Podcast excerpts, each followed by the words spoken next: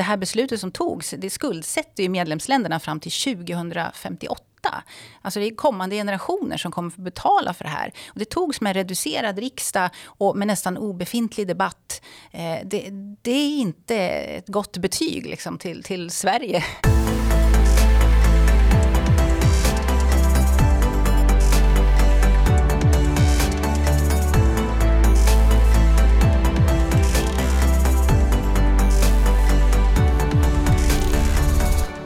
Varje år arrangerar Slöseriombudsmannen tävlingen Årets värsta slöseri för att utse vilket som varit det värsta slöseriet med skattebetalarnas pengar under det gångna året. I år är inget undantag. Med oss för att berätta om vinnaren i den osmickrande tävlingen är Slöseriombudsmannen Josefin Utas. Varmt välkommen till Uppskattat, en podcast av Skattebetalarnas förening. Tack så mycket. Vi kan väl inleda med att eh, nämna det att Skattebetalarnas vd Christian Ekström, han, han är ju den som normalt leder uppskattat. Han har då fått förhinder och som ersättare för honom så hör ni istället mig och jag heter Per Lindgren och jag jobbar med kommunikation här på Skattebetalarnas förening. Men nu är det ju inte mig det ska handla om, jag tänkte bara presentera mig. Eh, det, det det ska handla om är dig, eller kanske mer specifikt om tävlingen Årets värsta slöseri. Mm. Och Eh, du har varit med i ett tidigare avsnitt och berättat om den här tävlingen och nu har den då gått i mål. Men innan vi presenterar vem eller vad som korats till Årets värsta slöseri 2021 så tänkte jag att de som inte har hört det tidigare avsnittet kan behöva lite bakgrund. Vill du berätta vad det här är för tävling och, och hur den går till? Mm. Jo, det är en årligt återkommande tävling som Slöseriombudsmannen anordnar eh, i slutet av varje år. Och eh, det är tio olika bidrag som väljs ut enväldigt av Slöso. det är eh, små slöserier, stora slöserier, olika områden eh, som deltar i den här tävlingen och sen får allmänheten, alltså alla som vill delta och rösta. Och så utser man en vinnare då, eller förlorare kanske man ska säga. Och, och de här, hur har du då valt ut de här som har nominerats? Finns det liksom någon tanke bakom det? Ja, nej men det, det finns ju en tanke med slöseriombudsmannen och det är ju att visa på att slöseriet finns överallt i samhället. Eh, på alla områden och de är mindre och de är större och de kommer sig också av olika anledningar. Så att eh, det är en, en blandning skulle jag säga. Ja. Eh, som, som är intressanta ur olika aspekter. Ja, som, som kan vara intressant att diskutera men också ja, ja jämföra. För det blir ju ändå en jämförelse, det är ju en omröstning. Och, och hur har intresset varit då? Har folk engagerats av, av det här med slöseri med skattebetalarnas pengar? Ja, det är verkligen engagerande. Man, man eh, diskuterar de som finns på listan, men man deltar, eller också, man, man, håller på att diskutera vad som inte står på listan, men mm. borde stå på listan. Och eh, man säger sin åsikt om det här, så det drar igång diskussionen om vad vi använder våra skattepengar till. Och det är precis det som är poängen med den här tävlingen. Mm. Hur många röster har kommit in? Eh, drygt 15 000. Och fy sjutton. Det, det är rejält. Alltså att det är så många röster som, som har kommit in, det borde ju det borde ju skicka en signal eller två till landets politiker. Alltså det finns ju, om man tänker sig, det skulle det är klart att det är ju inte ett tvärsnitt kanske av befolkningen som faktiskt går in och röstar. Det finns väl en selektion i mm. vilka som, som röstar i den här typen av omröstningar. Men jag menar, samtidigt så finns det ju den typen av selektion också vid opinionsundersökningar. Alltså mm. vem som är benägen att svara på när SIFO eller Demoskop ringer och frågar vad man ska rösta på. Det, är, det finns ju en selektion där också. Och ändå så lägger vi väldigt stor tilltro till opinionsundersökningar. Mm. Och, och liksom, ja, precis på samma sätt. alltså den typen av opinionsundersökningar de kan ju göras på kanske tusen svarande. Mm. Så, att, så att om det är 15 000, alltså vad jag försöker säga är att den här tävlingen är ju en tydlig fingervisning om vad skattebetalarna inte vill lägga pengar på. Och ledande politiker borde ju ta det på allvar.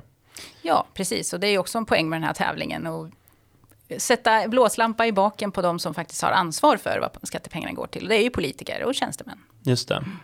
Men eh, då ska vi inte hålla eh, lyssnarna på halster längre. Vem eller vad eller eh, vilka är årets värsta slöseri år 2021? Ja, vinnaren är, eller förloraren. Trumpetfanfar ja, eller trumvirvel. Precis. Ja, nej, det blev EUs coronafond. EUs coronafond? Ja, som eh, för Sverige innebär ungefär 150 miljarder till EU. Och vi kommer väl diskutera mer vad det innebär, men, men eh, det är alltså det som allmänheten har utsett Ja, okej. Okay. Och hur, hur var röstfördelningen? Var det en övertygande seger eller var det jämnt? Ja, det var en ganska klar seger. Ungefär eh, 35 procent röstade på Coronafonden. Okej. Okay. Och vilka var det som kom på andra och tredje plats då? Mm, på andra plats så kom eh, biståndet till Afghanistan som har gett lite skralt resultat. Och på tredje plats så är det studiecirklarna som inte fanns, jag kallat det. Men det handlar om, om folkbildningen och eh, fusk med bidrag inom den. Kan du säga bara två ord om de två så att man förstår, får lite bakgrund? Vi ska ju djupa i vinnaren såklart, men bara så att man är med på vad det handlar om. Eh, det här stödet till Afghanistan, varför varför kom det tvåa och vad handlar det om? Ja, man kan ju inte säga att hela biståndet har varit bortkastat eller slöseri. Så är det ju inte, utan det handlar om att man har gett väldigt mycket pengar, eh, satsat mycket pengar i Afghanistan och eh, man har inte gjort det på riktigt rätt sätt så att det har gett tillräckligt stor nytta. Det kan till och med ha lett till korruption och sådana saker så att ja, man har inte fått bästa utveckling, utväxlingen utav eh, de pengarna. Nej. Eh, precis, korruption får ju eh, milt sagt säga, säga sig vara en ganska dålig, dålig utväxling för biståndspengar. Ja, det är inte så lätt med bistånd, men, men det handlar ju om hur man ger ut biståndet och så. så och på tredje ju... plats har du eh, de här eh, studiecirklarna. Vad, berätta om dem då, vad är det för någonting? Ja, studiecirklar och inom folkbildningen, alltså det är inte bara studiecirklar, det kan ju vara andra saker också, men mm. inom folkbildningen, eh, det är väldigt mycket skattepengar som går till folkbildning på olika sätt, till olika mm. studieförbund. Vi har ju tio stycken ganska stora studieförbund då, som tar emot pengar. Och eh, de här pengarna har det fuskats med. Eh, alltså man har rapporterat in saker som inte stämmer, att man har haft deltagare, att man har hyrt lokaler och så som, som inte existerar. Alltså det, det är fusk med bidrag helt enkelt. Och det är väl eh, till och med så att det, även där har gått till ganska skumma miljöer, till och med till ja, precis. terrorism. Va? Ja, i vissa fall. Mm. Men då Coronafonden, eh, för de som inte är bekanta med, med begreppet ens, vad, vad är det här för någonting? Ja, som det låter så har det ju någonting med corona att göra. Och det är ju eh, en... Eller inte, det är väl lite det som är problemet. Ja, precis, vi skulle komma till det. Eh, kärt barn har många namn. Alltså det här coronafonden går ju vid olika typer av namn. Men, men det handlar om att det är en fond, eller vad ska man säga, en pott med pengar som EU har samlat ihop till nu efter corona. Och tanken med det är ju då inte att ge pengar till de länderna som har haft svårt med corona, utan det handlar om återhämtning av Europa, säger man. Mm. Så man ska dela ut ut en väldigt stor mängd pengar, storleksordningen 750-800 miljarder euro, till medlemsländerna i EU. Och i samband med det här då så eh, skuldsätter man länderna i EU, alltså man tar lån för att göra det här. Ja, men så det är, den är då extremt omfattande den här och för svensk del så pratar du då, som du sa, om 150 miljarder kronor. Men men vad är liksom, eh, varför är det ett slöseri då? Det, det är väl liksom, för att, att storleken är, det är en sak, men det är ju mm. också, vad går, peng, var går de här pengarna till? Ja, precis. Det finns ju flera aspekter som man kan diskutera och lyfta upp. Alltså, det är ju inte naturligtvis slöseri bara att dela ut eh, bidrag, men det finns saker som inte är så bra med det här. Och, eh, det första kan man ju säga att i och med den här coronafonden så expanderar ju EU hela sitt bidragssystem. Mm. Alltså EU är redan idag en väldigt stor bidragsutdelare. Precis. Ungefär 90 procent av det som eh, vi betalar in till EU länderna totalt sett kommer tillbaka i olika former av stöd. Och det här blir en stor bidragskarusell som eh, kostar pengar. Och alltså mycket pengar skickar ju vi dit och sen får vi tillbaka de här pengarna. Mm. Så de går liksom en omväg via EU och på den vägen så tappar liksom pengarna värde. Eh, det är en aspekt att nu, nu expanderar EU i och med det här då administration och byråkrati. Eh, och sen så går ju de här pengarna till någonting då. Och det sägs ju att det ska gå till grön omställning och digitalisering och så. Men att i princip kan man ju klämma in det mesta i det här. Mm. Och eh, det ska ju gå till en del bra saker. Men om man tar exempel på alltså vad länderna nu... De, de länderna har ju liksom tagit fram återhämtningsplaner nu som man har lämnat in och så får man tillbaka pengar för det. Och då kan man ju se lite grann vad de här pengarna går till. Eh, till exempel så i Grekland så ska man förbättra sin strandpromenad i Aten. Och det kan man ju tycka är bra. Men man kan diskutera om det ska gå liksom pengar från EU dit. Det är ju någonting som de borde jobba med eh, och, och tycka är viktigt att lägga pengar på. I Tjeckien så... Modi- alltså du menar att Grekland borde jobba med det själva? Ja, precis. Mm. Alltså varför måste de pengarna gå via EU mm. och orsaka onödig byråkrati? Eh, Kroatien digitaliserar eh, olika saker, deras rättsväsen och så, också viktigt. Men varför måste de pengarna komma via EU? Mm. Eller eh, Irland, de ska restaurera våtmarker. Det är också lovvärt och så. Men, men igen, måste pengarna gå via EU? Och sen är det ju och så att man... vad har det att göra med corona? är också liksom en Ja, precis. Det här fråga. handlar ju om, om återhämtning sägs det. Men mm. alltså det här är ju saker som man behöver göra hela ja, tiden. Alltså, återhämtning från vad blir frågan? Alltså för det är ju det som är problemet i många av de här länderna, framförallt i södra Europa, som, är, som har misskötta ekonomier och har haft det under lång tid. Inte bara Precis. på grund av corona. Och så ska man då få pengar från, från välskötta ekonomier eller ja. i vart fall bättre skötta ekonomier. Precis, och det är ju ytterligare en aspekt då, att, att man överför pengar till som du säger, ekonomier som ska, snarare skulle behöva eh, reformera liksom, sig själva mm. eh, och inte bara få bidrag till eh, mer verksamhet så att de, de liksom stagnerar på det sättet. Eh, de behöver ta ansvar själva för de sakerna som de gör. Mm. Eh, kan, kan, du berätta någonting om själva processen också som har lett fram till det här? Alltså för att det är ju så att i Sverige valde att släppa igenom det här. Och mm det kan man ju tycka är en smula eller kanske mer än en smula förvånansvärt. Att svenska skattebetalare ska, ska behöva betala 150 miljarder till liksom allehanda eh, eh, eh mer, mer, eller mindre onödiga projekt som strandpromenader i Grekland. Mm. Eh, och ja, varför har ingen dragit i bromsen? Hur har den processen sett ut? Ja, alltså för att eh, överhuvudtaget inrätta den här coronafonden så krävdes det ju stöd från alla medlemsländerna. Alltså de skulle säga ja till det här. Och Sverige har ju också röstat ja till det här och det skedde förra våren då, 2021. Och eh, det här skedde ju med ganska liten debatt och diskussion innan. Mm. och det var ju så att det röstades ju och eh, ett antal eh, partier röstade ju ja. Det fanns två partier som röstade nej och det var Sverigedemokraterna och Vänsterpartiet. Men Moderaterna och KD la ner sina röster och alltså lämnade beslutet till de övriga och eh, så gick det här igenom. Och här mm. hade man ju kunnat säga nej. Mm. Men det har man inte gjort utan man har ju då godkänt det här. Ehm, mm. Jag, jag eh, roade mig med att gå in i det betänkandet och kika på, alltså just för att få lite sådär tillbakablick, så här, vad var det som hände mm. egentligen? Och då var det ju så att eh, Europeiska rådet under sommaren 2020, de träffade en överenskommelse om, om en flerårig budgetram och ett, och ett antal reformer då på EUs, eh, eh alltså EU-budgetens utgiftssida och ett, ett antal ändringar i EU-budgetens budgetens finansieringssystem. Och då var det inklusive då systemet för de, det som kallas de egna medlen. Mm. Och den här överenskommelsen den formaliserades i ett beslut av Europeiska rådet i december 2020. Men precis som du är inne på, då, så, alltså för att ett sådant beslut ska bli giltigt så behövs då att alla medlemsstaterna godkänner rådets beslut om, om egna medel. Ja. Så det är, då det, det är det här liksom enighetskravet helt enkelt. Så då kom ju då regeringen till riksdagen med en proposition och, och riksdagen skulle då godkänna rådets beslut. Och det, det är ju precis där vi befinner oss då, att, liksom i det skedet. att mm. Då hade man ju chansen att, att sätta stopp för det. Och hade Sverige sagt, sagt nej, då hade ju hela paketet, inte bara den här delfrågan, utan hela paketet hade ju då satt, satt stopp för helt enkelt. Mm. Eh, och det är väl liksom lite så man har argumenterat vad jag förstår det. Alltså i betänkandet där hela den här frågan hanteras så skriver Moderaterna och Kristdemokraterna eh, ett särskilt yttrande. Och då skriver de så här, citat. Eh, när det den 20 juli 2020 stod klart att det i Europeiska rådet fanns ett enhälligt stöd för en politisk överenskommelse sökte statsministern EU-nämndens mandat för att kunna ställa sig bakom den.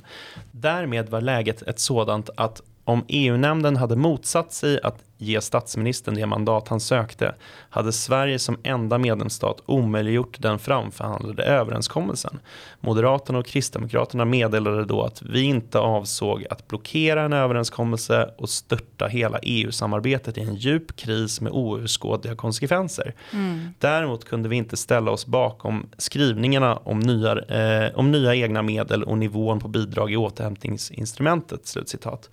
Och alltså eh, jag ska liksom inte lägga ord i munnen på dig, men vad, vad tycker du om den här argumentationen?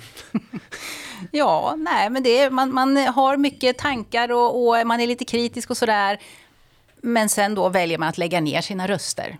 Så du tror inte att de som är eh, nere i eh, Europeiska rådet och sådär, att de sitter och lusläser nu vad som står i en, en, en motivreservation nej. eller ett särskilt yttrande från, ett, från landet i norr, eh, några oppositionspartier, nej, har skrivit? Nej, precis. Alltså Sverige, Sveriges politiker verkar tro att de inte kan påverka EU mm. någonting och då, då måste man godkänna allting som kommer från EU. Men det här var ju tillfälle då man faktiskt hade kunnat dra i bromsen om man nu inte vill att EU ska expandera eh, ytterligare. Och, och det, de politiska partierna tycker ju inte, säger de, att de vill ha ett större EU och fler bidrag och liksom mer makt till EU, utan att, att vi ska ha självbestämmande också. Men sen så röstar man ändå igenom det här. Alltså det är ju kontentan. M och KD la ju ner sina röster och kontentan blev ju då ett ja. Precis. Så att man säger en sak men man beter sig lite grann på ett annat sätt. Men sen vill jag slänga in en aspekt till här. Att det här beslutet i riksdagen, det togs när vi hade en reducerad riksdag. Mm. Alltså i, i och med coronapandemin så minskade man ju ner eh, riksdagens ledamöter då. Så alla fick inte gå och rösta, utan det var bara 55 eh, ledamöter som då skulle representera sina partier och rösta i riksdagen.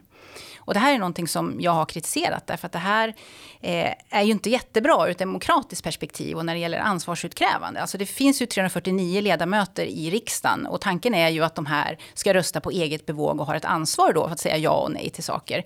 Men i den här reducerade riksdagen, då har ju bara 55 personer fått säga sitt. Mm. Och då skulle de mer eller mindre representera de övriga.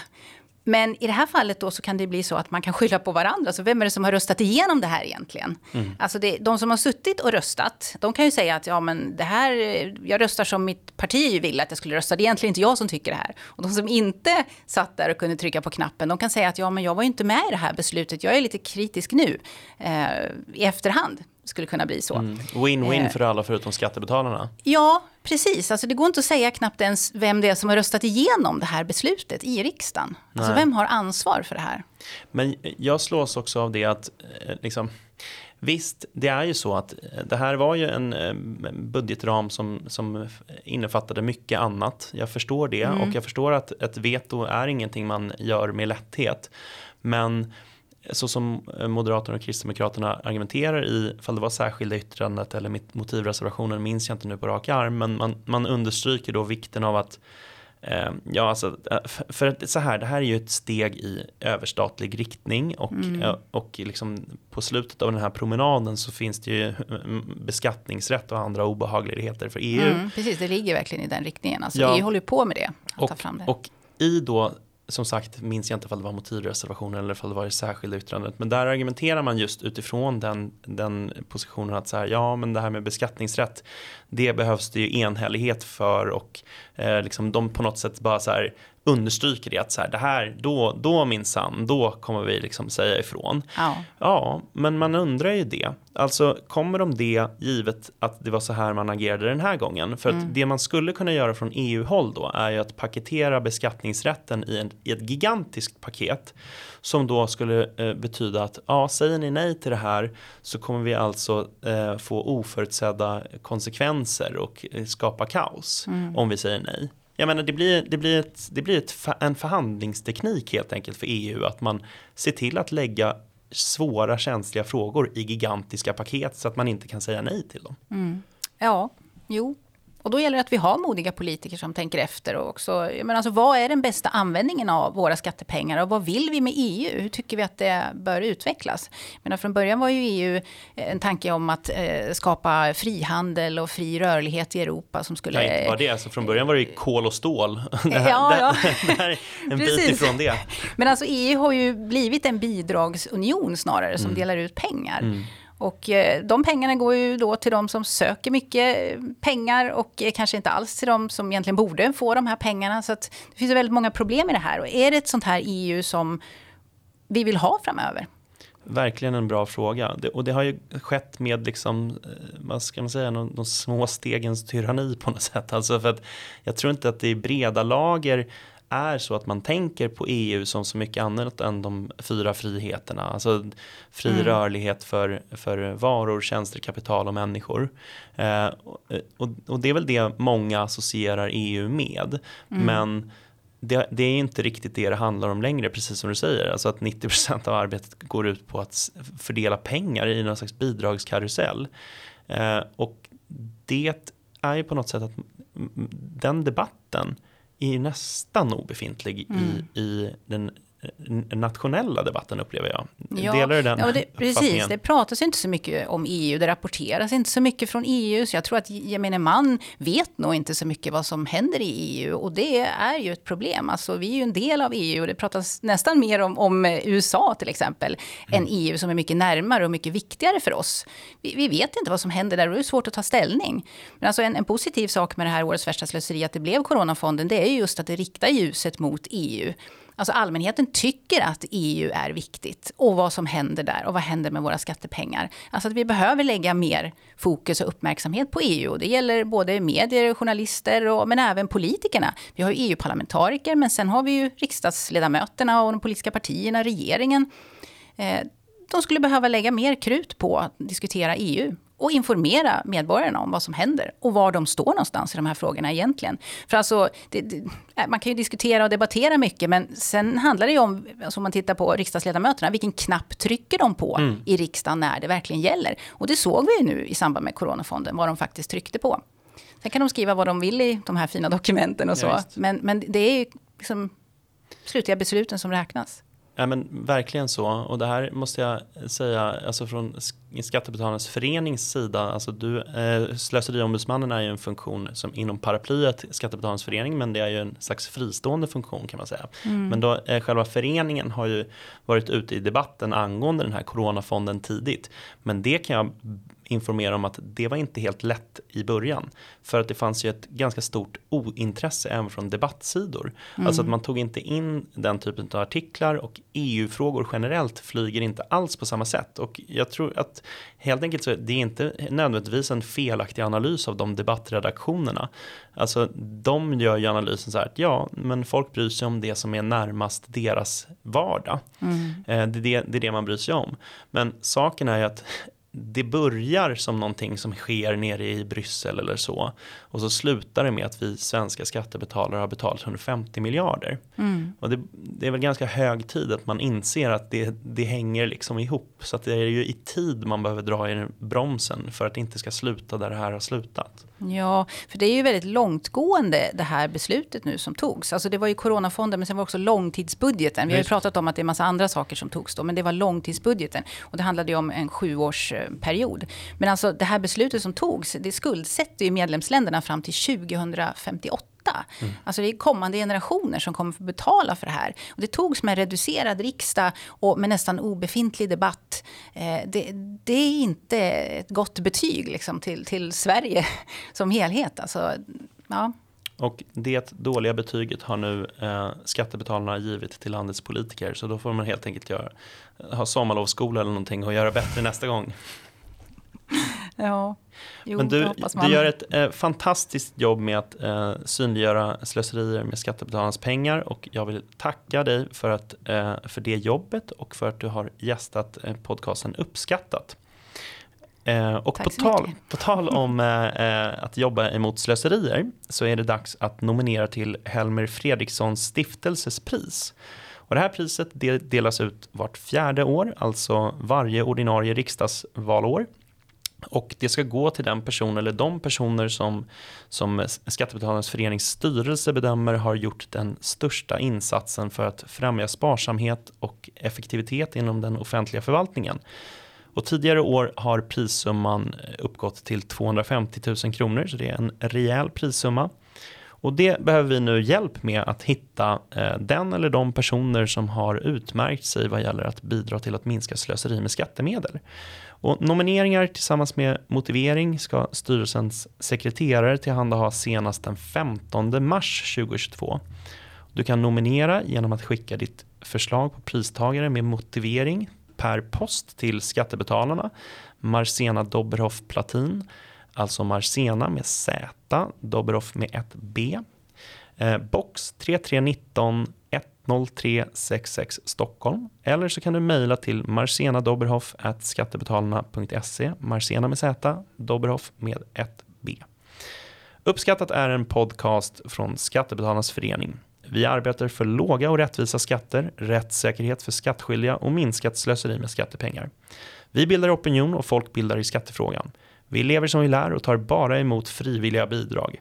Uppskattar du podden och vill medverka till att Sverige blir ett land med minskat slöseri och rimligare skatter så stöder du oss enklast genom att bli medlem.